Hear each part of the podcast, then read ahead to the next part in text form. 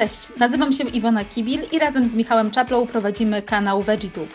Znajdziecie tu wiele cennych informacji na temat diet roślinnych i medycyny stylu życia.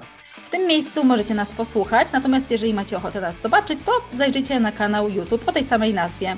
A teraz zapraszamy do kolejnego odcinka podcastu.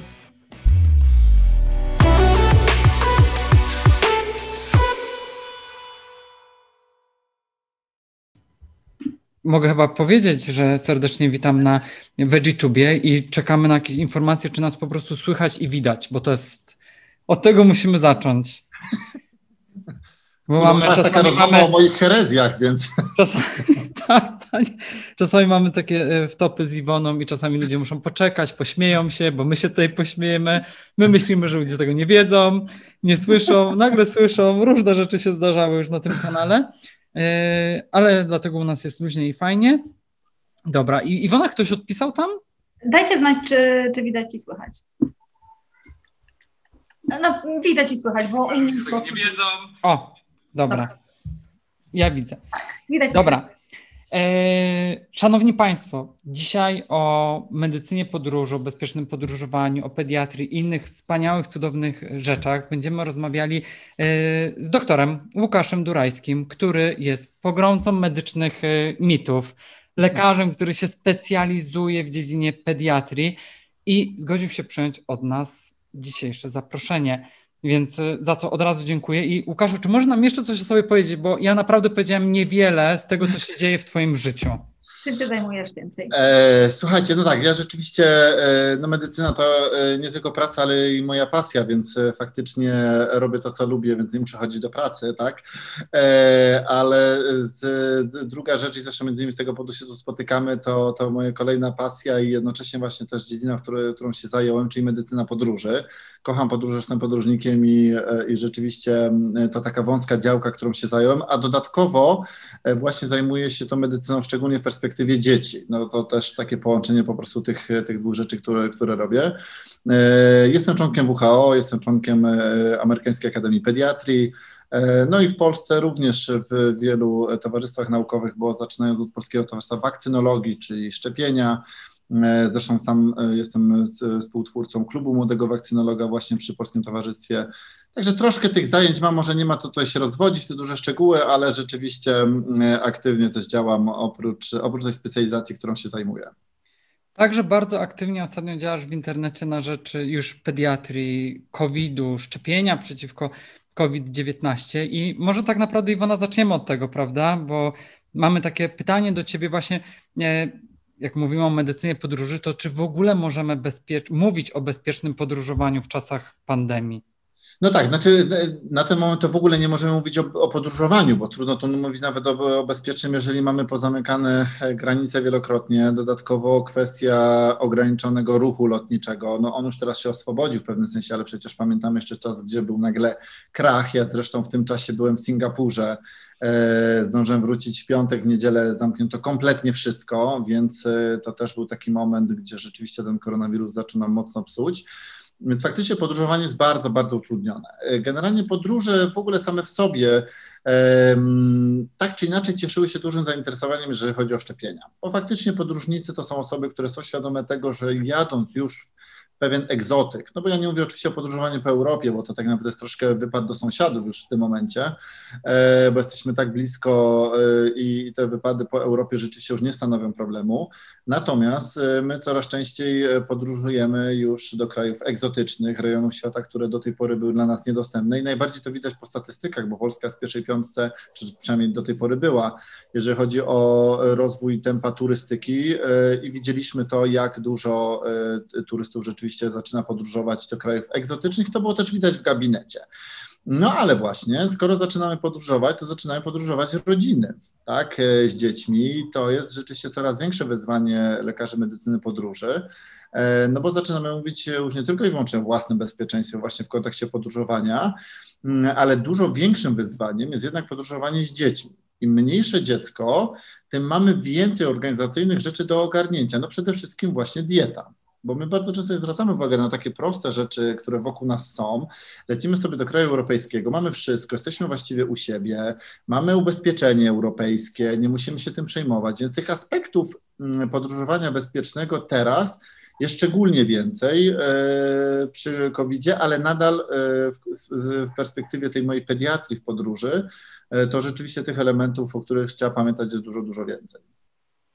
Właśnie mamy też trochę pytań, tak przy okazji, jak już zacząłeś o podróżowaniach, podróżach z dziećmi, na co się przygotować, gdzie szukać informacji, jakie, jakie rzeczy sprawdzać przed podróżą? I czy w ogóle nie polecasz całkowicie teraz podróży z dziećmi, czy są takie miejsca, gdzie można bezpiecznie polecieć e, w tym roku? No słuchajcie, na pewno trzeba śledzić na ten moment, e, zwracając uwagę oczywiście na sytuację covidową, tak? E, na pewno zwracać uwagę na te komunikaty Ministerstwa Spraw Zagranicznych, no bo to jest miejsce, czyli msz.gov.pl, bo to jest miejsce, gdzie mamy najbardziej aktualne informacje, jeżeli chodzi o sytuację w innych krajach. E, z tego powodu, że e, jeżeli będziemy chcieli wyskoczyć sobie po prostu do Turcji na weekend, która już też zaczęła być bardzo popularna, no to absolutnie nie, no bo Turcja po prostu ma totalny lockdown i e, wiadomo, że ten wyjazd jest graniczy z cudem właściwie. Jeżeli by mielibyśmy pomysł na to, żeby wpaść sobie na chwilę do Delhi, do Indii, no to jasnym jest, że przy sytuacji, która się wydarzała w ostatnim czasie, no trudno, żeby wybierać się do takiego kraju, tak? Więc e, i ta sytuacja właśnie bardzo się zmienia, dlatego coraz bardziej e, popularne stają się tak naprawdę podróże last minute, bo w tym momencie mamy ten komfort, że my nie musimy się zastanawiać, czy stracimy ten bilet, czy nie, chociaż już i tak wiele elementów takich prawnych, zabezpieczających nas jako, jako podróżnika, jako turystę się pojawiło i nie musimy się martwić, że stracimy bilet lotniczy i tak dalej, bo, bo to zostaje nam po prostu na voucher na później najczęściej, ale mimo wszystko e, rzeczywiście te, mm, te historie są bardzo istotne i tak naprawdę to jest jedyne miejsce, no jest e, chyba najbardziej popularna strona dla podróżników, jeżeli chodzi właśnie o podróże i tą najbardziej aktualną informację, to jest e, strona CDC, czy Amerykańskiej Agencji do Spraw Chorób Zakaźnych. Taka chyba instytucja, znaczy to są w ogóle instytucja, która w, w kooperacji z UNICEF-em, z WHO e, tworzy właśnie takie informacje dotyczące sytuacji w danym kraju. I tak naprawdę to jest strona cdc.gov i rzeczywiście na CDC możemy znaleźć te informacje ze świata najbardziej aktualne. Przede wszystkim tą kategorię państw w kontekście podróżowania, czy to jest kraj, który jest w tym najwyższym stopniu zagrożenia, e, czy na przykład, tak jak w przypadku w ostatnim czasie Tanzanii, Zanzibaru, czyli level unknown, czyli sytuacja kompletnie nieznana, że nie wiemy, co się dzieje, statystyki są niewiarygodne i tak dalej. Więc mm, ta skala też jest istotna i bardzo, bardzo bym na to zwrócił uwagę, ale na przykład podkreślę, że w, w takiej skali pięciostopniowej e, Polska właśnie jest w tym najwyższym stopniu zagrożenia na ten moment, więc tak naprawdę to też no, musimy się z tym liczyć, że tutaj e, te instytucje podejmują bardzo bezpieczne decyzje i w momencie, gdy pojawia się faktycznie jakiekolwiek ryzyko, to, to taki kraj będzie bardzo szybko właśnie w tym statusie zagrożonym. Natomiast na stronie naszego ministerstwa znajdziemy informację o tym, że nie zaleca się podróży. To jest najczęściej zaznaczony czerwony alert. Mhm.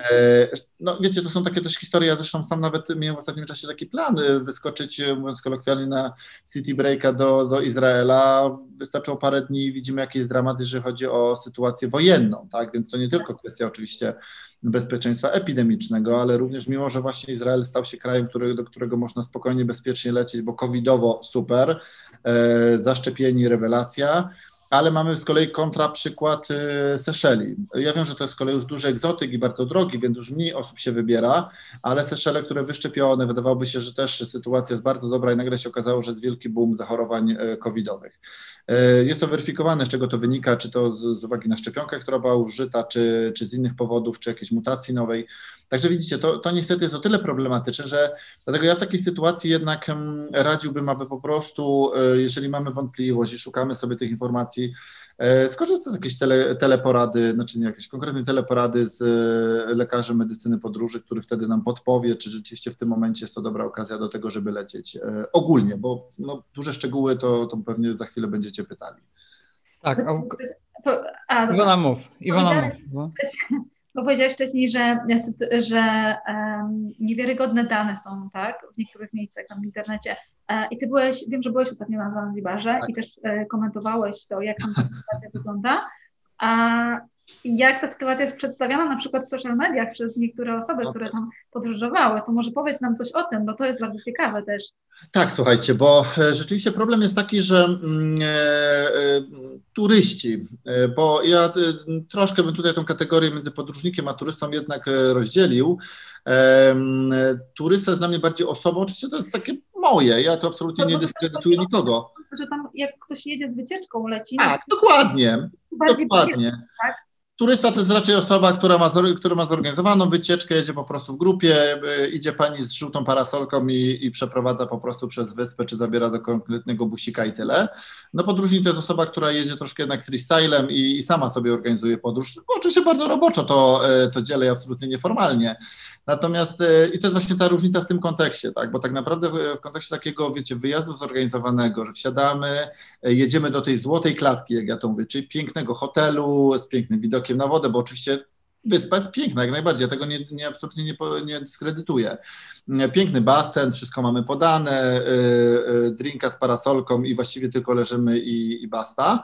E, no to właściwie my nie widzimy nic więcej, tak? I to jest ten obrazek, który jest bardzo często właśnie przedstawiany przez celebrytów e, czy jakichś tam influencerów na social mediach, natomiast kompletnie nie widać tego, co jest obok, ale e, odwrócę to w drugą stronę. Przecież nas obsługują lokalni ludzie pracujący w hotelu. To po pierwsze, więc oni funkcjonują na co dzień normalnie. Mamy historię taką, że mamy ochotę po prostu pójść do, na zakupy. E, na takim Zanzibarze może nie mamy supermarketów, jakich sobie wyobrażamy e, u nas, więc idziemy po prostu na jakiś lokalny bazarek, gdzie już rzeczywiście nie ma żadnego zabezpieczenia, nie ma żadnego ograniczenia. Tam wszystko było pootwierane wtedy? Tak, jest otwarte, absolutnie. Właśnie o to chodzi, że tak. tutaj nie ma żadnego ograniczenia. A, że nie ma żadnych ograniczeń, dobra. Nie ma, nie ma żadnych ograniczeń, nie ma obowiązku noszenia maseczek i tak dalej, i tak dalej. No Oni byli przyzwyczajeni, że my jako y, y, przyjezdni nosiliśmy, y, więc jak gdyby widzieli, że te maseczki są i można, można je było kupić, to też y, nie, nie było aż tak, y, y, aż tak problematyczne w pewnym momencie. Dokładnie, no to tak jest. Słuchajcie, oczywiście ja w pewnym sensie jestem w stanie zrozumieć e, przestrzeń taką, że siedzimy we własnym hotelu, w odległości i tak dalej, że nie musimy oczywiście na tym, na tym hamaczku leżeć sobie w, w maseczce, czy idąc na spacer po plaży, gdzie rzeczywiście nikogo nie ma. Natomiast e, to zupełnie co innego w momencie, gdy mamy okres turystyczny, gdzie było rzeczywiście szczególnie na początku, styczeń, luty, czyli w pełni sezon turystyczny na Zanzibarze, dzikie tłumy turystów. E, Zanzibar po prostu ma ogromną ilość przywiezionych serotypów koronawirusa. E, okazało się, że po prostu już na ponad 30 e, znaleziono tych wariantów, więc wszystko przywiezione przez turystów paradoksalnie, tak? No bo to są mutacje, które po prostu zwiezione z całego świata. I brak absolutnie świadomości ze strony lokalnej społeczności, która funkcjonuje w takim świecie zupełnie szamańskim, bez dostępu do, do medycyny, to jest też właśnie bardzo duże wyzwanie, bo my z jednej strony oczywiście mamy pełną swobodę, mamy poczucie, że wreszcie się uwolniliśmy po prostu z tej maseczki przysłowiowej, a z drugiej strony, no niestety jest to strzał w kolano. Ja będąc na miejscu miałem okazję, nieprzyjemną w sumie paradoksalnie, ale mm, e, zająć się pacjentem 13-letnim, który złapał dur brzuszny na przykład, bo woda jest tak brudna, e, że rzeczywiście E, chłopaczek złapał dur brzuszny z dużymi e, problemami. Na początku trudno jest oczywiście zdiagnozować. Dopiero gdy wylądował w szpitalu czwartego dnia, gdzie po drodze też oczywiście był pobyt w szpitalu, chociaż to też jest duże wyzwanie, jeżeli chodzi o szpital, bo to jest dwie godziny jazdy w jedną stronę, żeby się dostać do szpitala. Więc i to jeszcze trzeba było jechać po prostu rzeczywiście do prywatnego szpitala, gdzie no, konkretnie też trzeba zapłacić, ale przynajmniej jakaś tam chociaż obsługa jest taka bardziej zbliżona do tych norm naszych europejskich niż ogólnie e, tam dostępna. I no i właśnie, to są takie historie, słuchajcie, że e, turysta taki tego nie widzi, tak? E, więc ten obrazek jest absolutnie przerysowany w taki sposób nieprawidłowy, tak? Ja to, co rzeczywiście zacząłem w swoich social mediach, to po prostu pokazywałem, jak jest. Mm, sam miałem przypadki e, pacjentów e, covidowych, e, o ile na początku w ogóle, bo to też taki, ja ten okres bardzo mocno dzielę tak na pół, z tego powodu, że na początku myśmy w ogóle tam nie mieli kontroli covidowej, że chodzi o pacjentów, z tego powodu, że oni nie robili testów, bo była taka w ogóle zanim zmarł prezydent Tanzanii, wiceprezydent Tanzanii, zresztą też z powodu covidu, no to oni zrobili taką akcję, trochę taką nagonkę, żeby zdyskredytować testy, tam wrzucili w ogóle papaje bodajże do przetestowania i tak dalej, więc wiecie, no momencie, gdy się robi test nieprawidłowo, to jego się nie uwzględnia, nawet jak wynik wychodzi dodatni. No ale była okazja do tego, że uznali, że testy są niewiarygodne i testów w Tanzanii się nie robi. Później oczywiście była akcja typu trzy dni modlitwy, żeby pozbyć się COVID-a, ogłosili, że pozbyli się COVID-a, w ogóle temat zamknięty i już, więc tego typu historie. No więc społeczność też funkcjonowała w takiej otoczce, wiecie, no, że po prostu poradziliśmy sobie i COVID-a nie ma. Ja zdaję sobie z tego sprawę dla społeczności lokalnej, która ma średnią wieku 18 lat, e, COVID może nie jest największym problemem, bo oni częściej umierają z powodu innych chorób, jak chociażby malaria i tak dalej, tak? Więc jasnym jest, że ten COVID jest mniejszym wyzwaniem niż, e, niż inne problemy typu brak wody e, bieżącej i tak dalej, i tak dalej. No ale no, nie zmienia to faktu, że nadal ten problem jest. No ale y, jak gdyby y, cała historia jest taka, że na początku nie mieliśmy w ogóle tych testów, później oczywiście przy różnych naciskach Europy, WHO i tak dalej wprowadzono taki system testowania pacjentów y, przy aplikacji elektronicznej i okazało się, że mm, ja miałem swoich pacjentów w ich systemie, nie tylko w swoich testach, które miałem e, ze sobą, ale e, w ich systemie oficjalnie zarejestrowanych. Słuchajcie, nadal do tej pory ci pacjenci nie są zgłoszeni. Ja nadal widzę w Tanzanii e, zerową liczbę zachorowań na COVID-19 i to jest dla mnie niesamowite, jak bardzo tuszowane są po prostu te wyniki. To jest niesamowite to, co ty mówisz i chciałbym też do tego nawiązać, dlatego że tak, nie jest problemem to, jeżeli jedziemy na wypad do sąsiadów, tak jak powiedziałeś, i znaczy nie jest problemem, powiem w cudzysłowie, chodzi no mi tutaj o to, że możemy mieć kartę EKUS, nie musimy się martwić o koszty, możemy mieć Dokładnie. hospitalizację zapewnioną i tym podobne, ale właśnie jak sobie poradzić w innym kraju, jak się zabezpieczyć przed takimi Aha. ewentualnościami, czy ubezpieczenie zawsze wszystko pokrywa, Jakie masz z tym doświadczenia? Zwłaszcza no, jeżeli bierzemy dziecko na taki wyjazd.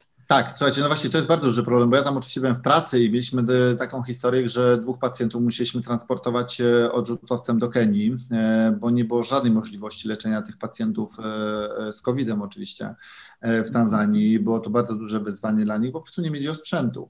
E, więc najbliższy, który był znaleziony, był rzeczywiście znaleziony w, w Kenii. I e, to jest bardzo duży kłopot, bo nawet takie prozaiczne problemy typu gorączka, czy jakikolwiek nawet kaszel, który gdzieś tam chciałoby się obejrzeć i, i, i dziecko zbadać, no to kończy się to w ten sposób, że e, no, ściągało się tego jeżdżącego lekarza lokalnego, który przyjeżdżał ze Stone Town, to no to zabierało do dwóch godzin czasu, więc e, to i tak trzeba po prostu czekać aż doktor, znaczy w momencie, gdy akurat w danym momencie miał czas, że mógł wsiąść i przyjechać, natomiast jeżeli był gdzieś tam na jakichś wizytach już też po wyspie, no to wiadomo, że to też niestety schodziło.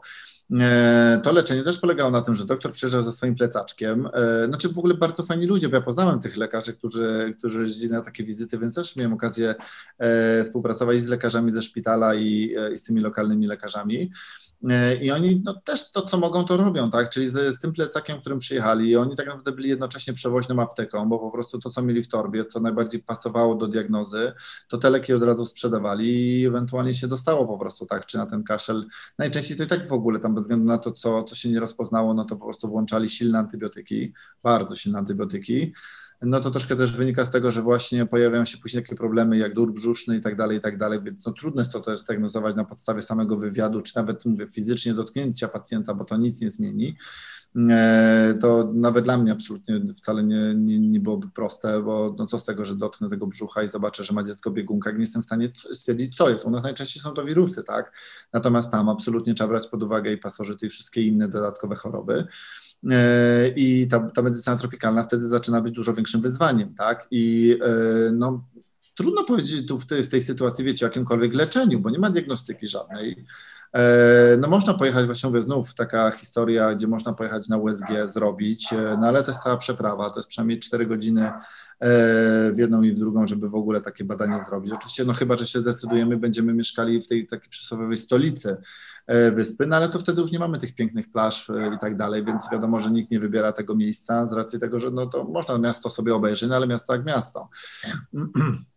Także pod tym względem bardzo duże wyzwanie i e, to, co chyba jest największym problemem właśnie dla, dla nas, to to, że my nie zdajemy sobie sprawy z tego, znaczy mówię dla nas jako Polaków podróżujących tam, że tam po prostu nie ma służby zdrowia. Po prostu w ogóle, tak? To nie jest kwestia tego, że poczekamy, tak jak mamy tutaj czasem kolejkę do, do swojego lekarza, bo tam po prostu tego dostępu nie ma. E, dostajemy leki, których kompletnie nie znamy, nie mamy jak tego zweryfikować, e, to też jest bardzo duży problem, tak? E, ja wiem, że się mi ostatnio bardzo sprawdziła taka historia dotycząca właśnie konsultacji, bo też mam teraz coraz częściej takie wideokonsultacje, no coś mi tutaj pika, słuchajcie, wideokonsultacje dotyczące właśnie medycyny podróży. I miałem takie historie, że ktoś po prostu korzystał już będąc gdzieś na miejscu, nawet z Tajlandii miałem właśnie Polaków, którzy na wideo rozmowę zadzwonili, bo byli y, u lokalnego lekarza, tak, dostali takie takie leki, no i czy to warto, czy nie warto, co dalej i, i i co to w ogóle za leki, tak? No bo bardzo często, słuchajcie, no i problemem dużym jest bariera językowa bo wiecie, my możemy mówić, e, znaczy mówimy ogólnie, tak jako, jako e, Polacy, możemy mówić e, w jakimś tam stopniu w języku obcym, no najczęściej jest to angielski, ale trafiamy na podwójną barierę, bo jedno, że mówimy o medycznym angielskim, to po pierwsze, po drugie trafiamy na drugą osobę, która też nie ma fluent English, tak, czyli znów tak naprawdę ta bariera jest w obie strony, więc nagle się okazuje rzeczywiście, że ta rozmowa jest utrudniona i jest to duże wyzwanie. I miałem bardzo często takie historie właśnie, że na miejscu konsultowałem, dlatego poznałem między innymi tych lokalnych doktorów objazdowych, bo e, oprócz tej wizyty, która była stacjonarna, to kto, często gdzieś tam ktoś mnie prosił o pomoc, bo usłyszał, że jest polski lekarz, no to mnie prosili o pomoc i tak naprawdę to ja rozmawiałem bezpośrednio z lekarzem o tym, co podejrzewa, co ma w ogóle e, dostępnego i co możemy zrobić, tłumacząc wtedy ten, że mimo, że angielsku oczywiście tam słyszeli wszystko e, ci ludzie, tak, to mimo wszystko jest to duża bariera i słuchajcie, to naprawdę jest problem. Ja wiem, że teraz na szczęście wideo rozmowy e, zaczynają być e, ułatwieniem, bo to sprawia, że my mamy takie poczucie rzeczywiście dostępu do tego lekarza swojego, E, i, i zdarza mi się coraz częściej faktycznie, że takie, mm, takie konsultacje odbywam. Na razie rzeczywiście też nie ma tylu tych podróżnych po świecie, więc też nie czuję tej, tego natężenia, ale myślę, że to, to w tym momencie będzie szło po prostu już piorunująco, bo zaczynamy podróżować. No super, ja się oczywiście bardzo cieszę, ja też nie dyskredytuję tego, bo uważam, bo świetnie, tylko jesteśmy po prostu w bardzo trudnym czasie, jeżeli chodzi o podróżowanie. Ja myślę, że też tutaj było warto zaznaczyć, że osoby, które wyjeżdżają takie podróże i na przykład zakupują e, ubezpieczenie podróżne i tym podobne, żeby naprawdę czytały po pierwsze warunki tego ubezpieczenia, tak. dlatego że w takich krajach zazwyczaj nie ma takiej opieki, że my dzwonimy na infolinię i oni nam załatwią i my i na przykład towarzystwo zapłaci za to i tym podobne. Zazwyczaj to my te koszty ponosimy Oczywiście, i później znaczy, ewentualnie wracamy, więc tak. dokładnie, jeżeli mamy takie koszty, tak jak Łukasz powiedział, że nagle y, pacjent musi lecieć do innego kraju albo y, pacjent dostaje zawału, ma koronarografię, ląduje na intensywnej terapii i tym podobne, to to są ogromne koszty i trzeba także liczyć. No tam nie ma w ogóle szans na to, żeby uratować człowieka z zawałem, bo nie ma żadnej koronawirusa. Przepraszam, ale tak ogólnie, może w innym kraju na przykład ale... tak, ale tak, no, rozumiesz o co mi chodzi. Tak, ja sam słuchajcie, miałem taki przypadek i to też wam powiem, no właśnie, y, to wtedy byłem na studiach y, na, y, na wymianie w Tajlandii. No i oczywiście wiadomo, że jadąc na takie wyjazdy, coś tam się zawsze przytrafia i miałem leczenie kanałowe w Bangkoku. E, I e, skończyła się historia w ten sposób, że mój ubezpieczyciel nie zapłacił mi, nie zwrócił mi tych kosztów e, leczenia z tego powodu, że mm, w warunkach umowy było wpisane, że to ja najpierw muszę zadzwonić do nich, żeby oni wyrazili zgodę, żebym poszedł do lekarza i dopiero wtedy mogę, a nie odwrotnie. Także ja byłem u lekarza, ogarnąłem sobie, pobrałem wszystkie fakturki, nie fakturki i, i proszę o zwrot. I nie, i podziękowali mi, bo nie, dosta- bo nie miałem zgody na pójście do lekarza. E, więc tych kruczków takich rzeczywiście ubezpieczeniowych jest dużo i to absolutnie słuszna uwaga że musicie być bardzo czujni. Naprawdę umowę dotyczącą ubezpieczenia zdrowotnego musicie wtedy na blachę przeczytać, bo to y, te warunki są bardzo istotne, chociażby właśnie w kontekście tych ekstremalnych sytuacji, y, ekstremalnych urazów. Czasem się jedziemy w podróż i korzystamy z jakiegoś kejtu, nie kejtu, czy, czy nie wiem, na narty, tak, pojedziemy na jakieś... Sporty ekstremalne, nie? Dokładnie. I nagle się okazuje, że w tym ubezpieczeniu nie ma ubezpieczenia od ekstremalnych złamań, urazów czy coś. I już jesteśmy w plecy, e, a wtedy niestety bardzo dużo w plecy, bo im większe uszkodzenie, im większa hospitalizacja, tym droższe leczenie, tak? No to jest niestety oczywiste.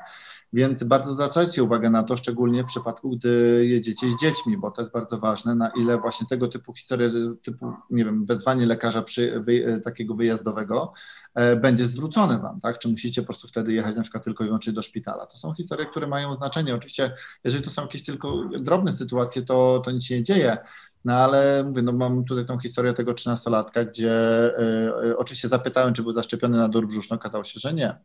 Y, no bo na zasadzie nie, no jakoś to będzie, no bez przesady, tak? No nie, nie będzie. To jest egzotyk i to już nie jest Europa, gdzie mamy warunki sanitarne, które są po prostu wyśrubowane i muszą być normy europejskie zachowane. Tam po prostu już jedziemy do kraju, gdzie po prostu woda będzie leciała ze źródełka, tak? Bez, bez jakiegoś wielkiego zaglądania instytucji w postaci sanepidu. No właśnie, jak już o tych szczepieniach rozmawiamy też, e, ten dur brzuszny szczepienia i tak dalej, to e, na co się przygotować, jakie szczepienia przed wyjazdem do różnych krajów e, robić? Tak. Słuchajcie, no przede wszystkim w ogóle przy podróżach absolutnie trzeba zrobić ten must have z Polski. Tak? To, co mamy do zrobienia w kalendarzu obowiązkowym, zwracam uwagę rodzicom, bo bardzo często rodzice nie wszystko mają zrobione. To są historie dotyczące na przykład tężca. E, warto sobie powtórzyć takie szczepienie. To jest takie łączone, bo tam jest tężec, krztusiec przy okazji, tak, bo to jest taka szczepionka jednorazowa, przypominająca zresztą co 10 lat i tak taką szczepionkę trzeba sobie tak naprawdę robić. Więc e, te podstawy, podstawy, podstawy, jeszcze raz podstawy, czyli wszystko to, co powinniśmy mieć u siebie zrobione. No mówię, tężec to tyle, ale to często pacjenci pytają, bo to wiecie, zwykły uraz, tak, no u nas mamy gdzieś tam ubawę, a co dopiero będąc e, w jakimś obcym kraju. Także na pewno od tego zaczynamy. Jeżeli chodzi o, mm, o to, jakie następne szczepienia, to też tak naprawdę bez względu na rejon y, mocno zachęcam do zrobienia pa pakietu szczepień, y, jak my to mówimy, pokarmowego. Czyli y, tego, co nas będzie chroniło właśnie przed tymi wszystkimi biegunkami i, i, i wymiotami i całą tą resztą, no bo to po prostu nam cała podróż siada o tyle, że nie mamy nic z tego, nie korzystamy. A to mówimy o takich szczepieniach jak żółtaczka typu A, cholera, dur brzuszny, czyli po prostu taki pakiet y, pokarmowy. Y, I to też, to są w ogóle teraz szczepionki zresztą doustne, więc nawet nie mamy kłucia jako takiego, tak? Dostajemy z duru brzusznego, na przykład mamy trzy tableteczki połykane co dwa dni i już. E, jeżeli chodzi o cholerę, to mamy dwa razy ampułeczkę do wypicia, troszkę tak jak e, zresztą bardzo e, smaczny malinowy, taki po prostu napój musujący, więc nie jest to wielki problem w ciągu dwóch tygodni. Tylko właśnie to, co jest istotne, to przy przygotowywaniu się do podróży nie przychodźmy na szczepienia na zasadzie za tydzień lecę i muszę coś zrobić, bo wtedy to już jest pozamiatane, tak? E, bo nie zdążą szczepionki bardzo często zadziałać, bo nawet jeżeli się przyjmie tą szczepionkę, no to i tak y, musztarda po obiedzie.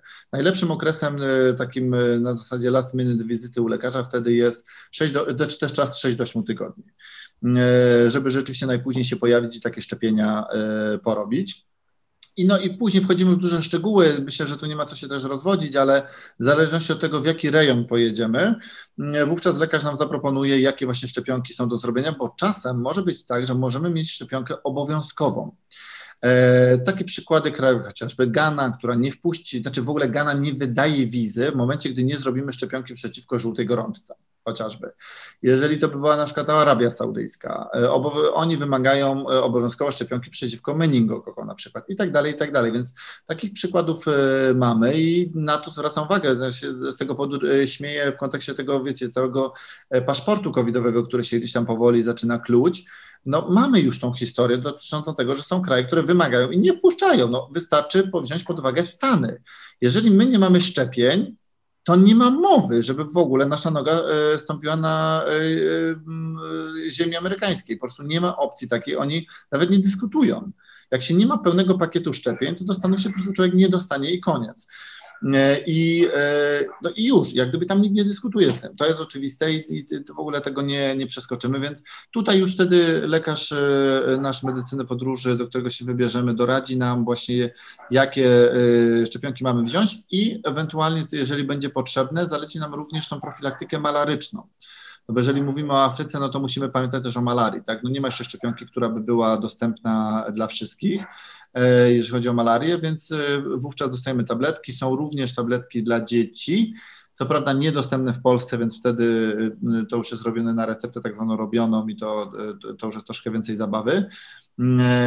No ale myślę, że możemy sobie odpuścić bardzo koniecznie wyjazd w rejon mocno malaryczny ze swoimi dziećmi. Tak? Myślę, że to nie jest raczej sytuacja taka, że to jest must have. Naprawdę mamy na świecie tyle miejsc, które warto odwiedzić i, i niekoniecznie narażać też swoje dziecko. I myślę, że tutaj to też jest w tym kontekście dobra, e, dobry sposób na to, żeby właśnie wybierać sobie miejsca do podróżowania, e, najpierw idąc do lekarza, tak? Czyli mamy ochotę, gdzieś chcielibyśmy jakiś fajny egzotyk polecieć e, i, i wtedy lekarz po prostu jest w stanie nam doradzić, e, gdzie możemy polecić, bo pewne ograniczenia tych szczepionek podróżniczych są też w stosunku do wieku dziecięcego, tak, więc nie, nie wszystkie dzieci mogą latać, ale ja w ogóle mm, każdą ręką podpisuję się pod tym, żeby z dziećmi podróżować i, i zachęcam rodziców do tego, bo uważam, że to cudowna sprawa, tylko musimy się naprawdę porządnie przygotować. Łukaszu, a jak wygląda w ogóle taka opieka pediatryczna na świecie? Jakbyś miał mi powiedzieć, miałem powiedzieć, chcę jechać w egzotyk, gdzie najlepiej zajmą się moim dzieckiem, gdyby w razie czego coś się stało. No właśnie, może takie najbezpieczniejsze miejsce, gdzie już jak ktoś by miał lecieć z dziećmi, mm -hmm. to um, jak uważasz? Z Twojego doświadczenia też. To słuchajcie, to niestety chyba nie byłbym w stanie. Znaczy tak, na pewno y, y, kraje azjatyckie w postaci e, Singapuru, w postaci Korei Południowej, w postaci Japonii, absolutnie bezproblemowo, bo to są kraje bardzo mocno rozwinięte z, z genialną opieką zdrowotną, więc tutaj nie ma problemu. Jeżeli chodzi o Afrykę, mm, no miałbym problem, żeby rzeczywiście tak wprost wyznaczyć e, ten, ale to już jest podróż rzeczywiście trochę większych kosztów, czyli e, RPA, bo to też jest miejsce rzeczywiście mocno cywilizowane to taki w sumie e, bogaty kraj Afryki. Północ Afryki wbrew pozorom nie jest takim idealnym rozwiązaniem, jeżeli chodzi o, o bezpieczeństwo takie zdrowotne dzieci. Ameryka Południowa, no nie bardzo. Tak, dużo osób do Meksyku też lata. Właśnie, dokładnie. To jest, to jest niestety, niestety problem, bo sam byłem na praktykach w Peru, więc widziałem to, to od środka zupełnie, zresztą byłem na, y, na, na, tym emergency pediatrics, czyli w sumie trochę taki odpowiednik naszego soru pediatrycznego. Mm, e, więc, e, znaczy tam nie w ogóle opieki, tak, no bo to trochę na tej zasadzie, że rodzic, który przychodzi, bo tam nie ma ubezpieczeń za bardzo, więc rodzic, który przychodzi z dzieckiem po wypadku samochodowym, to najpierw musi, dostaje karteczkę od lekarza, musi kupić rękawiczki, strzykawki, igły, ewentualnie leki, dopiero jest opieka w ogóle jakakolwiek udzielona e, i po, pomoc. No to dla mnie to po prostu z mojej perspektywy lekarza to było nieprawdopodobne, niewyobrażalne, że nie mogę pomóc dziecku po wypadku i tego typu historiach. Mm, więc tak, to, to, to perspektywa jest zupełnie inna. Meksyk, Meksyku byłem rzeczywiście, natomiast e, no Meksyk troszkę bardziej cywilizowany, bo tam często, wiecie, zaczynają się pojawiać Amerykanie, to trochę już teraz jest taka taka wypadówka dla Amerykanów, więc te, te warunki zaczynają się poprawiać rzeczywiście bardzo, na pewno ludzie bardzo oczywiście, znaczy Ameryka Południowa pod tym względem absolutnie nie dyskredytuje, bo ludzie bardzo przyjaźni i, i, i bardzo fajne społeczeństwo, no ale dochodzą też wszystkie aspekty dotyczące bezpieczeństwa ogólnie podróży, bo tam po prostu może być po prostu zwyczajnie niebezpiecznie nie z powodów medycznych, to inna sprawa. Natomiast no, Meksyk teraz też stał się bardzo popularny. Rzeczywiście Meksyk, y, Dominikana, y, y, Zanzibar właśnie, także Malediwy to są rejony teraz egzotyczne, które są topowe, no ale to wynika z tego, że coraz więcej czarterów po prostu jest tam generowanych i stąd wchodzą w grę po prostu te wycieczki tak zwane, tak. E, natomiast e, tam rzeczywiście bym e, był ostrożny, bo to no jednak wchodzimy już w Amerykę Południową. No to, to, to jest tak, że jednak musimy się z tym liczyć, że ten szpital nie będzie w takich warunkach, jak sobie wyobrażamy. Tak. Na pewno w Meksyku lepszy dostęp do personelu medycznego do służby zdrowia niż, niż w Afryce, to, to nie ma co, co porównywać. E, więc Ameryka Południowa, mówię, nie tak, że ogólnie nie, ale rzeczywiście tu już musimy być bardziej przygotowani, więc e, nie, nie jestem przeciwny, ale uważam, że po prostu wtedy bezwzględnie wizyta e, konsultacyjna przed wyjazdem musi być. Szczególnie, żebym zwrócił uwagę, słuchajcie, Wam w kontekście mm, sumarycznym, jeżeli chodzi o podróżowanie dzieciaków wiekowo bo to jest tak naprawdę najbardziej istotne, bo jeżeli będziemy mówili o dziecku sześciotygodniowym, no to zaczynamy mieć dużo więcej ograniczeń, tak, e, i mało oczywiście takich rodziców, którzy decydują się na takie wypady, najczęściej to są osoby, które gdzieś tam pracują, e, poród był w jednym kraju, a, a ci rodzice są przyzwyczajeni do tego, że po prostu podróżują co chwilę i e, no tak wygląda ich życie i tak wygląda ich praca, więc, do, ale to, to wtedy też jest rozmowa zupełnie inna, bo to są ludzie, którzy są przygotowani też w ogóle do podróżowania i to nie jest problem.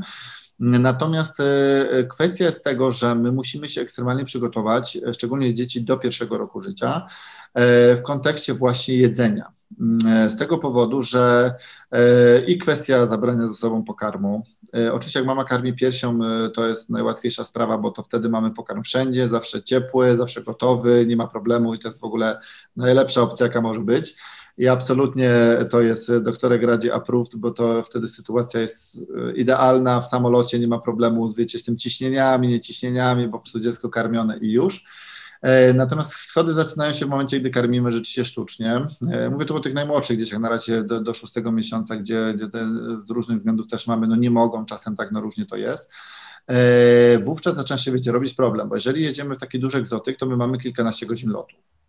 E, no i wtedy tak naprawdę wszystko już musimy przygotowywać w samolocie e, i ciepła woda i tak dalej. Samolot paradoksalnie o tyle jest ułatwieniem rzeczywiście, że ta stewardessa przyniesie nam, mamy tą opiekę, więc też nie będzie problemu i tą gorącą wodę, ten wrzątek dostaniemy, żeby to mleko sobie przygotować, albo nawet e, często jest tak, że jak mamy gotowe buteleczce, nam zaleją, kwestia zamieszania już, także te, te sposoby są. No ale to jest jedno, a na przykład dziecko musi dostawać co trzy godziny, tak? Więc już zaczyna się rzeczywiście cała przeprawa dotycząca właśnie przygotowywania jedzenia dla dziecka. E, no i tego, że oczywiście my cały czas jesteśmy na stand-by'u w tym samolocie, bo to dziecko no, będzie krzyczało, płakało, bo, bo ciśnienie spada, bo coś, e, bo po prostu jest mu niewygodnie, e, bo trzeba pieluchę zmienić i tak dalej, i tak dalej. Więc wiecie, no, zaczynają się mocno schody, a te um, jednak toalety no nie są po prostu tak wyposażone, żeby można było spokojnie dziecko gdzieś tam położyć i przewinąć, tak? Więc to naprawdę wtedy zaczyna się wyzwanie. E, I to faktycznie jest bardzo duży problem. Więc na co zwracam uwagę, że nie tylko w kontekście tego, że już wylądujemy, że już wreszcie jesteśmy, ale i całego właśnie przygotowania się takiego logistycznego po drodze. No i batalia oczywiście bardzo duża, gdzie po prostu trzeba zmienić pieluchę dziecku w samolocie i zapaszek, który zaczyna się unosić po całości już w, ci pasażerowie, którzy po prostu zaczynają jęczyć. Ja nie szczególnie zwracam na to uwagę, ale chyba największym problemem zawsze jest jednak płacz dziecka w tych samolotach, e, bo to często podróżnicy, którzy nie mają dzieci, nagle zaczyna się troszkę batalia, tak, i gdzieś tam jakaś złość e, różna może się też pojawić. Rzadko się to zdarza i też raczej e, personel reaguje, tak, no bo to też chodzi o to, że no przecież matka dzieckiem ma prawo podróżować, więc, no ale mimo wszystko widzicie, to, to są takie śmieszne, bo nie śmieszne, ale aspekty, które się pojawiają nagle dodatkowe, o których normalnie nie myślimy, tak, bo no, jesteśmy przyzwyczajeni, że nie ma problemu, w każdym momencie gdzieś tam sobie usiądziemy i ogarniemy tego maluszka. E, I na miejscu to samo, tak? Musimy pamiętać o tym, że musimy zapas e, jedzenia ze sobą wziąć. E, po pierwsze, zapas pod tym względem, że nie możemy liczyć na to, że w naszym bagażu głównym będzie jedzenie całe. Bo nagle się okazuje, że bagaż nam ginie i basta. Ja tak miałem, jak byłem na Kubie, byłem 12 dni, z czego 9 dni było bez bagażu. I, no, i koniec, tak? No nie ma. Nie mamy jedzenia, nie mamy butelek zapasowych, nie mamy nic nagle, tak? Nie jesteśmy w stanie w takim rejonie świata tego kupić, e, albo mamy produkty, które są po prostu lokalne i znowu zaczyna się batalia, bo nietolerancja, bo opiekun... Jak sobie poradziłeś tam? E, ja, bo, znaczy wiesz, mnie to tyle łatwiej, że po prostu na szybki shopping to był agresyw shopping i tyle, tak, no. Generalnie, e, e, generalnie rzeczywiście pod tym względem, wiesz, że osobie dorosłej troszkę jest łatwiej sobie poradzić i no trudno, trzeba było po prostu przeboleć to, kupić ubrania. Co prawda okazało się, że w ogóle bagaż 9 dni leżał na lotnisku. W końcu linie kanadyjskie określiły to, gdzie jest bagaż i bagaż po prostu sobie na korytarzu był zostawiony przez personel i był cały czas na miejscu, no ale zaginął, nie można było znaleźć. No właśnie o to chodzi. To są, wiecie, takie historie, gdzie y, ja kilka dni chodziłem na lotnisko i dopytywałem się i próbowałem po hiszpańsku się z nimi dogadać, bo wtedy jest ściana. Oni nie, oni po angielsku nie będą rozmawiali, bo nie. Jesteś u nich w kraju, oni wymagają, że masz mówić po prostu, bo oni nie rozumieją, nie umieją dobrze po angielsku i nagle się okazuje, że mamy problem, więc na to musicie być przygotowani. Jeszcze mamy takie pytania też od rodziców e, z Instagrama. E, w jakim dziecku, wieku dziecko e, w samolocie musi tą maseczkę mieć założoną? Czy na przykład dziecko czteroletnie musi mieć założoną maseczkę? Nie, tu, znaczy to oczywiście to też jest takie bardzo indywidualne, jeśli chodzi o linie lotnicze, ale tutaj, że chodzi o dzieci, tam nawet często pada, że wiek wyższy też nie jest problemem, tak? Poza tym i tak samolocie ściągamy do jedzenia, więc e, to troszkę jest na tej zasadzie, że e, tutaj raczej nikt nam problemów nie będzie robił. No, ja bym trochę stwierdził, że może jakaś e, stewardessa służbistka, która gdzieś tam chodzi, goni nas, że to dziecko ma mieć założone. No nie, no tak, słuchajcie, naprawdę, na tyle to ja w czasie tej pandemii byłem w kilku miejscach, mówię, od tego Singapuru, gdzie na samym początku po drodze tam, po drodze miałem jeszcze okazję być w Rzymie, to były same wakacje, gdzie też tam już ta sytuacja zaczęła się troszkę tak klarować, więc e, miałem okazję to zobaczyć na miejscu, ale e, no nie jest to raczej problem. No teraz przy tych e, przelotach, które miałem, które miałem sporo, przy lotach na Zanzibar, to też, to też widziałem, że to nie jest kłopot, chociaż faktycznie nie było tych rodziców tyle, ile można było spotkać wcześniej, to na pewno, ale podróżowali rodzice z dziećmi, absolutnie. To było widać i, i jak najbardziej to, to się odbywa. E, ale no, no to jest kwestia już linii lotniczych. Ja myślę, żeby lepiej w takiej sytuacji po prostu, szczególnie teraz, że to się bardzo szybko zmienia, E, najlepiej po prostu wtedy nawet przedzwonić sobie po prostu do swoich linii lotniczych, którymi będziemy lecieć. Bo jak mamy charter, to jest zupełnie inna sprawa, tak? Bo mamy po prostu z biura podróży i tak naprawdę kontaktujemy się z biurem, jakie są wymagania e, i już. I znaczy, tak chyba ten temat właściwie w ten sposób się zamyka, bo najczęściej jednak rodziny podróżują po prostu z biur podróży bez łatwiej, bo to te biura dbają o te ubezpieczenia i tak dalej, i tak dalej, więc no to, to jest zdecydowanie łatwiejsze. Natomiast bardzo zwracam uwagę, szczególnie w tym okresie, na e, wybór biur podróży, które są E, silny na rynku, tak, żebyśmy po prostu nie brali, nie brali pomniejszych biur, bo znowu będziemy mieli problem z jakąś tam upadłością biura i tak dalej, i tak dalej. No to, to się pojawiało wcześniej, a szczególnie teraz, gdzie wiecie, ten ruch jest zablokowany i te biura naprawdę borykają się też e, z problemami finansowymi, no to na to uważajcie. To, co jest na to, musimy się przygotować i to też znowu przykład z Zanzibaru. E, część mojej ekipy leciała po mnie, bo ja tą główną e, ekipę z pracy wysyłałem wcześniej, natomiast po mnie jeszcze część osób zostało i nagle się okazało, że lot był przesunięty o tydzień czasu tydzień czasu, to jest niepoprawnie po polsku, o tydzień, e, więc ten czas z kolei był rzeczywiście e, dodatkowy, tak, czyli nagle się znowu okazuje, że znów wpadamy w tą pułapkę dotyczącą jedzenia, braku lotu, e, bo takie linie lotnicze jak Qatar Airways, czyli w sumie najbogatsze linie lotnicze na świecie, najlepsze linie lotnicze na świecie, nagle okazało się, że mają jednego, dwóch pasażerów, więc nie wyślą samolotu, więc zaczynają łączyć te loty, tak, i zaczyna się problem. E, I ja w ogóle też miałem tak, miałem odwołany lot y, powrotny, rzeczywiście z Zanzibaru do Polski. I no, lecę sam, tak więc wiadomo, że jest mi trochę łatwiej, w sensie, że nie z rodziną, więc ten przerzut był wyzwaniem, bo ja na własną odpowiedzialność przerzucałem się z Zanzibaru na ląd, tym takim, jak my, jak my to wołaliśmy, kurnikiem, czyli po prostu tymi małymi samolocikami i na własną odpowiedzialność musiałem odebrać bagaże i speedem e, biegłem dopiero do e, punktu Kataru, żeby przerzucić się na, na ten lot właściwy i tam dopiero się zaczekinować, bo nie mogę zaczekinować się wcześniej.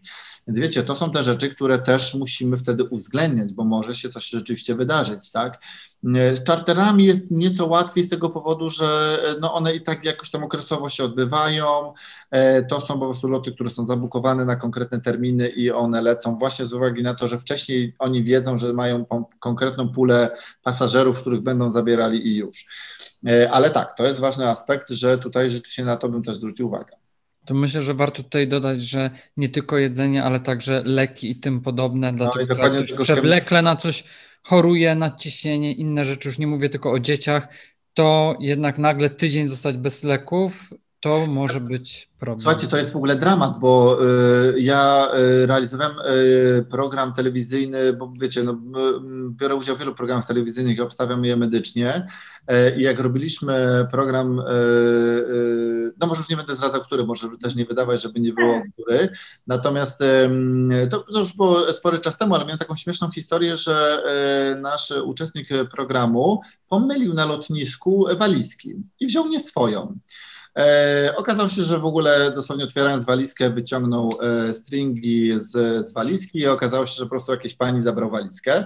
Z jednej, historii, z jednej strony historia oczywiście śmieszna i, i, mieliśmy sporo obawy, ale ja nie miałem z tego powodu, że okazało się, że pan jest cukrzykiem i właśnie lek, bierze leki na nadciśnienie i nagle się okazało, że nie miał oczywiście ze sobą bagażu podręcznym zapasu leków, bo zawsze trzeba wziąć dwa, jeden w bagażu podręcznym, drugi w, w głównej. No i nie miał, i nagle się okazało, że w Jordanii musimy organizować mu leki.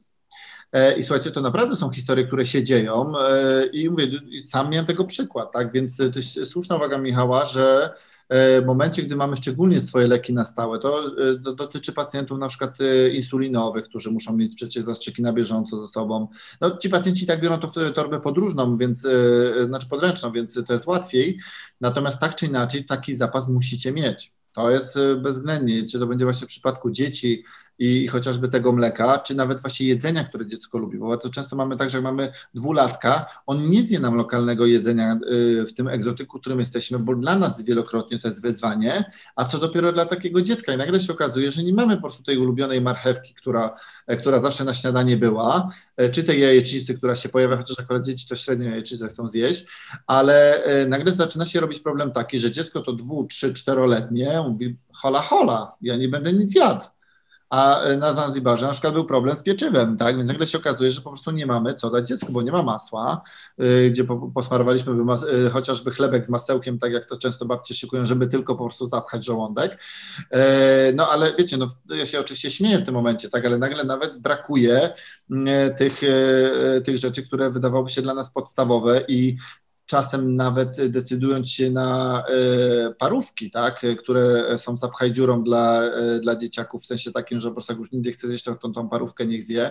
No dobrze, że ta jakość teraz się poprawiła, więc to inna sprawa, bo ja to w ogóle... Tak, tak, są, są nawet dobrej jakości. Więc... Tak, tak, ja zawsze uważam, że im bardziej przetworzone, tym gorzej, ale akurat no, w tym przypadku rzeczywiście też nie możemy narzekać, bo się to mocno poprawiło. Ale, tam nie ma, tak? Słuchajcie, tam nie, kup, nie pójdziemy sobie, po prostu nie wybierzemy naszej, już nie chcę nazwami rzucać, naszej ulubionej po prostu paróweczki, którą dziecku damy, bo... A co jeszcze dopiero jak sojową chcemy znaleźć?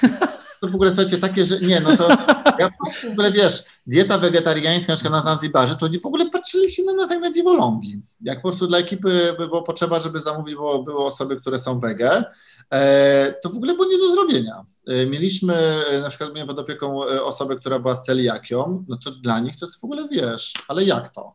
Jak to bez mięsa? Jak to bez czegoś, nie? Więc no... Łukasz, wystarczyła mi kiedyś jedna podróż na dżerbę, gdzie przez tydzień jadłem tylko i wyłącznie węglowodany, makaron w sumie i takie rzeczy. Więc na, nawet wyjechałem specjalnie do ichniejszego Carrefouru, bo myślałem, że kupię sobie ciecierzycę w puszce, dodam sam do sałatki, cokolwiek zrobię. Nie było szans. No nie, no jak oni ubijają kuraka i pieką e, kuraka na, na co dzień, po prostu na śniadanie, obiad i kolację, to co w ogóle wymyślasz? No to suchy ryż i do widzenia. Tam w ogóle wiesz, oni, ale gdyby nie to, że po prostu później gdzieś tam mieliśmy e, polską kucharkę, która była na miejscu, więc troszkę było łatwiej się z Gosią dogadać i, i sporo rzeczy nam poogarniała to naprawdę był problem, bo wiecie, bo z, to, to, są rzeczy, na które no, mówię, normalnie nie zwracamy uwagi, tak? Będziemy po prostu sobie zjemy na mamy ochotę i wszystko mamy dostępne i w ogóle jeszcze będziemy wybierali i fochali po prostu, która puszka jest, bo nie ta firma, bo po prostu, bo nie ten, e, nie ten producent czy coś, no to tam w ogóle się człowiek cieszy, że można było żółty ser kupić, bo akurat dojechał na wyspę i, i był dostępny, tak? Albo pani na przykład upiekła jakieś tam bagietki, więc po prostu wszyscy happy, że, że bagietki zjedliśmy, tak? Więc no, no nie ma. No przede wszystkim to są problemy takich krajów dotyczące tego, że nie mamy lodówek. To też jest kolejny aspekt w kontekście y, właśnie tego jedzenia, które ewentualnie nawet zabieramy ze sobą, bo czasem są takie pomysły, że zabiorę swoje, tak? No więc jak to Polak cebulak jedzie z tymi torbami po prostu taki kabanosów, tak, bo przecież tam kabanosy akurat do tyle pół że faktycznie one naprawdę są yy, yy, takie, że da się po prostu to jakoś wytrzymać, E, i, i to, to jest jedzenie, które faktycznie jest dosyć e, oporne na te wszystkie różne e, zawirowania pogodowe, tak, w sensie te temperatury i tak dalej, więc no, jest jakoś Łukaszu, nie pytaj, dlaczego ono jest tak odporne. Tak, ale ja już w ogóle ostatnio widziałem te wege kabanosy, to już jestem załamany jeszcze bardziej. E, e, ale rzeczywiście, słuchajcie, to jest, to, no, ale no tak jest, tak, więc po prostu to jest przynajmniej jakieś takie jedzenie, które, no jak już się, mówiąc wprost, zapchamy, tak, jak już jesteśmy bardzo głodni, ale dziecku już tego nie podamy, w sensie takim, że to dziecko no nie zje, no, które tam jest większe i trochę przyzwyczajone, to nawet tego kabanoska jakiegoś nam tam chrupnie, tak, no ale to jest raczej suche, więc te dzieciaki no, no nie chcą, no to, to, to nie jest jedzenie standardowe, chociaż akurat mój bratanek e, teraz 4 latka będzie kończy, faktycznie od roku to po prostu jest zakochany w kabanosach, więc to, to w ogóle jest, jest, absolutny obłęd. On po prostu mógłby nic więcej nie jeść, to jest w ogóle tak, dramat. Jak wejdą kibilnosy na rynek, to wtedy będziemy tak, tak, polecać. Tak. No właśnie, słuchajcie, dlatego wiecie, ale bo tak, e, to, to, są takie rzeczy prozaiczne, tak? Normalnie, a, no to jakąś zapchaj dziurę mamy i coś tam no. damy, tak? No i po prostu jakoś sobie poradzimy. No wiemy, tutaj ogórcik zwykły, tutaj coś naprawdę coś się znajdzie. Jogurt odpada, tak? Bo nie kupimy na co dzień takiego jogurtu, który no nam pasuje. Jedno, że smakowe, to, co się udało na przykład na Zanzibarze dorwać, no to po prostu były naturalne jogurty, niesamowicie kwaśne i tak dalej, no to dzieciak też w ogóle zapomni, żeby to zjadł, bo to po prostu nie ma opcji. Nam to smakowało, bo, to, bo miałem wrażenie, że w ogóle to były jogurty robione z proszku, więc no, człowiek wiedział, więc zjadł, bo i tak w sumie już nic innego nie było. No więc jakoś się po prostu przełknie, tak, ale dla, e, dla rodziny to już jest wypad, który jest bardzo, bardzo trudny. Stresujący bardzo z jedzeniem dzieci. Tak, tak. Powiedz nam, kiedy się skończy e, to wszystko i kiedy będą podróże, podróże przyjemniejsze, bezpieczniejsze, kiedy wróci, znaczy powiedz nam, czy ta normalność wróci i w ogóle jakie są pozytywne rzeczy z tego wszystkiego, co teraz się dzieje, bo na pewno jakieś pozytywy są. W tym tak, to jest nawet niezłe, bo ja muszę Wam przyznać, że najbardziej się cieszę z tego, ale to już y, pamiętam z zeszłego roku z Singapuru. Ja bym zachwycony tym, że wszędzie były rozstawione płyny dezynfekcyjne. To jest dla mnie w ogóle największa rewelacja tego wszystkiego, co się wydarzyło, bo mój zawsze problem był taki, że to była kwestia do braku dostępu do, do tych toalet, żeby chociaż te ręce sobie po prostu umyć. ja wiem, że myśmy zwracali uwagi na to, na, na to mycie rąk, bo to było tak w ogóle, wiecie, niepotrzebne i tak dalej, bo żyjemy w tak higienicznym kraju, że 70% facetów po wyjściu z toalety nie myje rąk, więc generalnie mamy taki rozwój higieny w, w Polsce, że po prostu no w ogóle już, no nie daj Boże o czymkolwiek powiedzieć. Więc nagle się okazało, że jednak mamy problem i, i, to, że trzeba te ręce umyć częściej, bo koronawirus nam na to zwraca uwagę, to się zaczął robić kłopot. Bo tak naprawdę to była taka, taka pierwsza, e, pierwsza akcja, to w ogóle takie pierwsze przestrogi to były chyba też WHO, żeby po prostu zacząć e, dbać bardziej no, o higienę, tak. prawda? Żeby tak. chronić się przed koronawirusem. No oczywiście, bo nagle się okazało, że największym problemem jest nie mycie rąk, bo ich nie myjemy po prostu i, i roznosimy tego koronawirusa, więc no to, to, to jest hit. E, I, I, to mi się rzeczywiście bardzo podobało. E, to, co mi się podoba, to to, że mimo wszystko, zobaczcie, zaczynamy więcej mówić o generalnie szczepieniach właśnie w kontekście samych podróży. E, bo ta świadomość zaczyna bardziej rosnąć, nie tylko covidowych już teraz mówię, tak, ale mhm. generalnie w ogóle właśnie tego, że nagle się okazuje, że mogą być problemy zdrowotne w jakiś rejon świata, który sobie lecimy. Maseczki są o tyle niezłym rozwiązaniem, że dały nam nie tylko taki przyczynek dotyczący tego, że pokazały, że przecież Azjaci nosili. Oni tam był naturalny, bo to, że to maseczkę się zakładało i zawsze kojarzyliśmy sobie Azjatów z maseczką, tak? I to trochę taki obrazek kompatybilny ze sobą, no ale to wynikało z tego, że ich jest sposób, to, to, to gęszczenie y, na ten metr kwadratowy jest te, tak duże, że oni rzeczywiście z tego powodu wiedzieli, że jeżeli nie będą ich nosić, to te epidemie będą bardzo szybko, więc oni bardzo szybko się nauczyli, że faktycznie te maseczki trzeba zakładać, szczególnie osoba chora powinna zakładać. Właśnie, gdzieś, e... bo gdzieś w jakimś programie też było azjatyckim, który oglądałam, że właśnie osoba, która była chora, no nikt jej nie mówił o tym, ona po prostu sama e, wzięła maseczkę, tak. Żeby chronić e, inne osoby dokładnie. i to właśnie było super. Tak, dokładnie, tak, tak, tak. Na początku myśmy mieli taki problem, wiecie, bo tych maseczek brakowało, na cały świat nagle, e, wiecie, dlatego te zalecenia WHO też były, że zostawmy maseczki lekarzom, żeby personel mógł się zabezpieczyć, a my się skupmy na tym, żeby po prostu wprowadzić te ograniczenia w postaci mycia rąk czy dystansu, tak, który już też nam dużo ograniczał. Natomiast rzeczywiście maseczki dały też taki fajny przyczynek dotyczący alergii o czym się też e, rzadko mówi, ale e, przecież to też jest pewnego rodzaju filtr, tak? Więc te alergeny nie docierają do nas już w takiej ilości i nagle przy e, spadku innych chorób zakaźnych, które też oczywiście wykosiliśmy, mówiąc wprost, bo grypy prawie nie było i wszystkie inne choroby zaczęły być niwelowane, to nagle się okazało, że mamy absolutny spadek sprzedaży leków przeciwalergicznych. No i co? No przecież pylenie nadal jest, tak? A nagle się okazało, że przez cały rok alergicy przestali kupować leki. No przestali kupować, bo jedno, że ruch lotniczy był wstrzymany, transport był wstrzymany, więc nie emitowaliśmy tych gazów e, do, do atmosfery, więc nagle się okazało, że Polska takiego totalnego smogu nagle zaczęła być zieloną wyspą, jeżeli chodzi o powietrze, tak? I, i wszystkie współczynniki były genialne no, świat, bo nie tylko oczywiście Polska, ale no, to było widać niesamowicie taki eksperyment na, na skalę światową, który nie byłby normalnie możliwy do wykonania. Więc oczywiście to jest fajny aspekt tego wszystkiego. I e, słuchajcie, no ja myślę, że tak naprawdę cały czas e, pozostanie nam taka świadomość e, bycia ostrożnym, tak, że mimo wszystko to, co, na co ja zwrócę uwagę w kontekście, ale to już oczywiście nie jest kwestia nas samych jako takich, tylko bardziej naszych rządzących e, na całym świecie, bo oczywiście nie mówię tylko i wyłącznie o Polsce, e, takiej świadomości tego, że e, obrona ludzkości to nie jest tylko i wyłącznie kwestia kupowania kolejnych F-16. Bo nagle się okazało, że głównym aspektem dotyczącym naszego bezpieczeństwa to była kwestia płynu dezynfekcyjnego, maseczki I tego brakowało, tak? Czyli podstaw dotyczących respiratorów, dotyczących miejsc w szpitalach, personelu, którego brakowało, tak? Czyli bezpieczeństwo do tej pory było postrzegane tylko i wyłącznie w kontekście ochrony przed bombą ale nikt nie myślał o tej bombie biologicznej. Oczywiście mówiło się wielokrotnie, że gdzieś tam jest jakieś ryzyko, że może być jakiś zamach taki biologiczny i tak dalej. I to się przewijało, tak? Ale nikt tego nie traktował na serio. Oczywiście nie mówię, że to był zamach, tak? Ale w kontekście tego, że my musimy się przygotować na to, że my nie jesteśmy, my nie żyjemy w, w bańce plastikowej, że po prostu nic, co jest wokół nas, nagle nie wyskoczy nam. No, historia jest taka i zresztą natura sobie tak to przygotowuje. Wiem, że medycyna w pewnym sensie walczy z, z ewolucją, tak? No bo y, medycyna przeciwdziała y, w taki sposób, że y, walczy o słabe jednostki, tak? które normalnie umierały, bo nie były w stanie przeżyć. Lata do tyłu nie mieliśmy cukrzyków, którzy przeżywali, tak? To były osoby, które umierały z tego powodu, że nie było insuliny i nie było ratunku, tak? Teraz mamy ten ratunek, więc ratujemy tych ludzi. E, ale z drugiej strony, no, trochę natura się też próbuje bronić, tak? No, to wypełnienie ludnością e, na Ziemi jest coraz większe. To też są bardzo duże, ciekawe dyskusje naukowe, e, ale to pokazuje, że my się bardzo mocno zagęszczamy, więc my też łatwo, zobaczcie, jak szybko teraz rozprzestrzeniliśmy koronawirusa.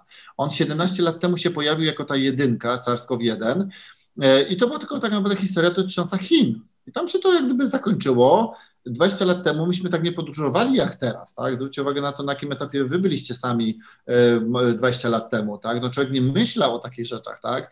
Więc ten świat rzeczywiście stał się globalną wioską i to jest oczywiście to jest super aspekt, bo nagle się okazuje, że w przeciągu pół dnia możemy się znaleźć na drugim końcu świata i w zupełnie innym zakątku i po, po kilku dniach możemy nagle wracać i, i jesteśmy z powrotem u siebie, tak? Więc oczywiście to jest fajne, ale nagle się okazało, że nie jesteśmy na to przygotowani, więc myślę, że ta inwestycja e, w zdrowie e, będzie dużo większa, tak? bo do tej pory troszkę to na zasadzie jakoś to będzie, damy radę, pewne aspekty były zabezpieczone bądź nie, więc myślę, że to też jest taki pozytywny element dotyczący tego, że tych funduszy, które pójdą na, nagle na badania naukowe, zobaczcie, tak? No, tego nikt nie inwestował. Nagle się okazało, że to nie influencer jest najważniejszy i powinien mieć najwięcej pieniędzy, tylko ten pan Macie, który po prostu siedzi sobie w laboratorium i przeprowadza jakieś tam badanka i w tych pipetkach sobie miesza. Nikt się tym nie przejmował, dostawał jakąś tam najniższą pensję i tyle, a nagle się okazało, że to nie Ronaldo jest najistotniejszy, tylko właśnie on, bo to nie Ronaldo uratuje świat,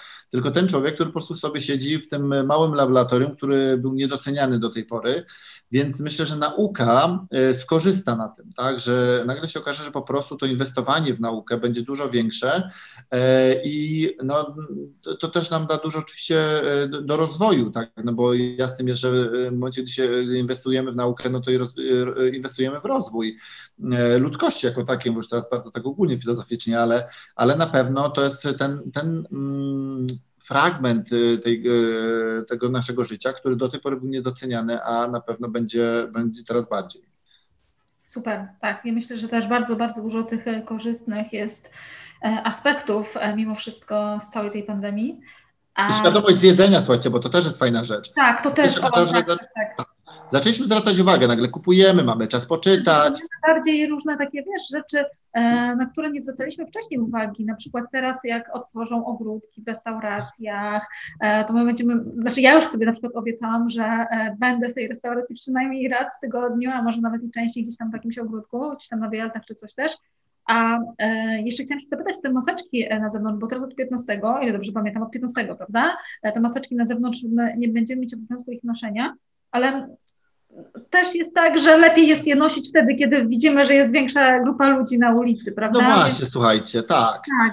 Ja, ja mam takie trochę opory y, jeszcze z tego powodu, że my nie jesteśmy tak mocno wyszczepieni, bo rzeczywiście jeszcze okazało się, że osoby zaszczepione nie roznoszą koronawirusa i to już wiemy, że chronią w 94% przed bezobjawowym, bo tego nie wiedzieliśmy do tej pory, w związku z tym było założenie, że osoba zaszczepiona nadal też maseczkę ma nosić. Teraz już wiemy, że nie musi, szczególnie jeżeli jest w kontakcie z osobą niezaszczepioną, bądź w kontakcie z osobą, która nie ma objawów, tak? czyli no może być nawet bezobjawowa, ale mimo wszystko to ryzyko jest mniejsze.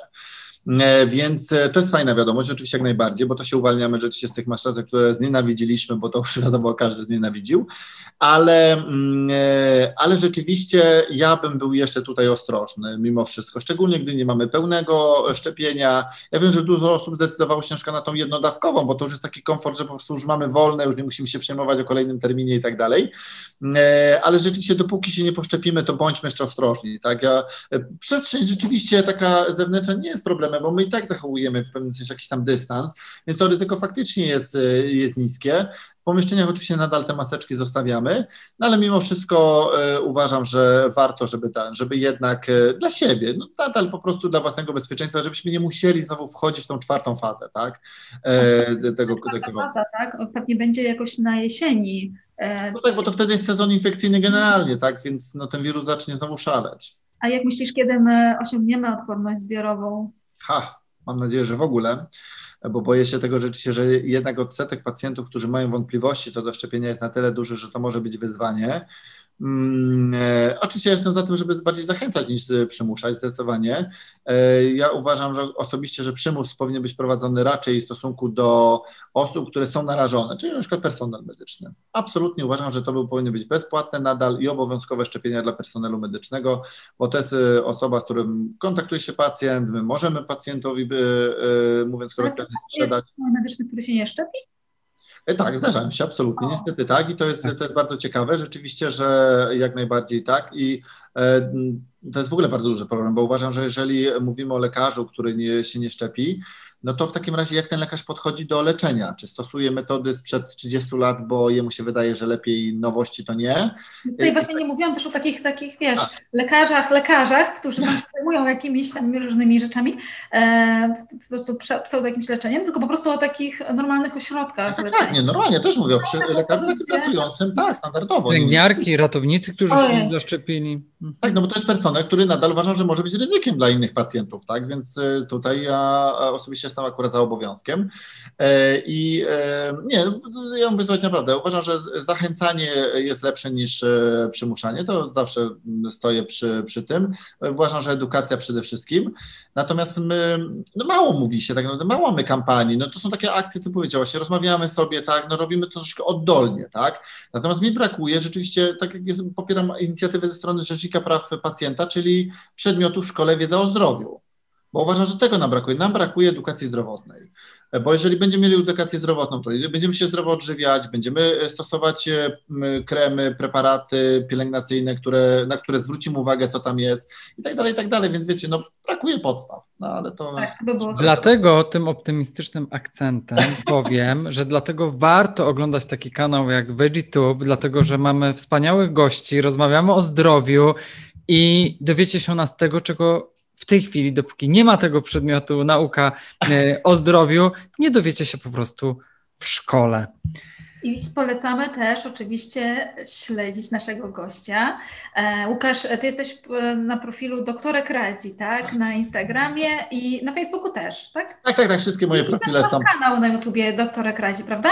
Tak, rzeczywiście on mi zabiera niestety najwięcej czasu, jeżeli chodzi o przygotowanie materiału, więc tu mam największy kłopot, e, ale tak staram się, już teraz kolejne też e, przygotowujemy, więc, e, więc powoli, powoli staram się też na YouTubie przygotować. Chociaż w trakcie COVID-a też starałem się, żeby jakieś takie materiały, które wydawały się tematy bardziej trwałe, są istotne, to też przygotowywałem, ale się okazuje, że na przykład po roku to w ogóle, wiecie, zdezaktualizowane informacje. I... Dokładnie tak, tak, tak. Już Więc warto zwracać uwagę na aktualizować. Tak, warto zwracać uwagę na datę, kiedy też te filmiki powstają, bo ta wiedza się bardzo szybko zmienia, więc szczególnie teraz, także tutaj te zalecenia i tak dalej, no to to po prostu musimy mocno aktualizować.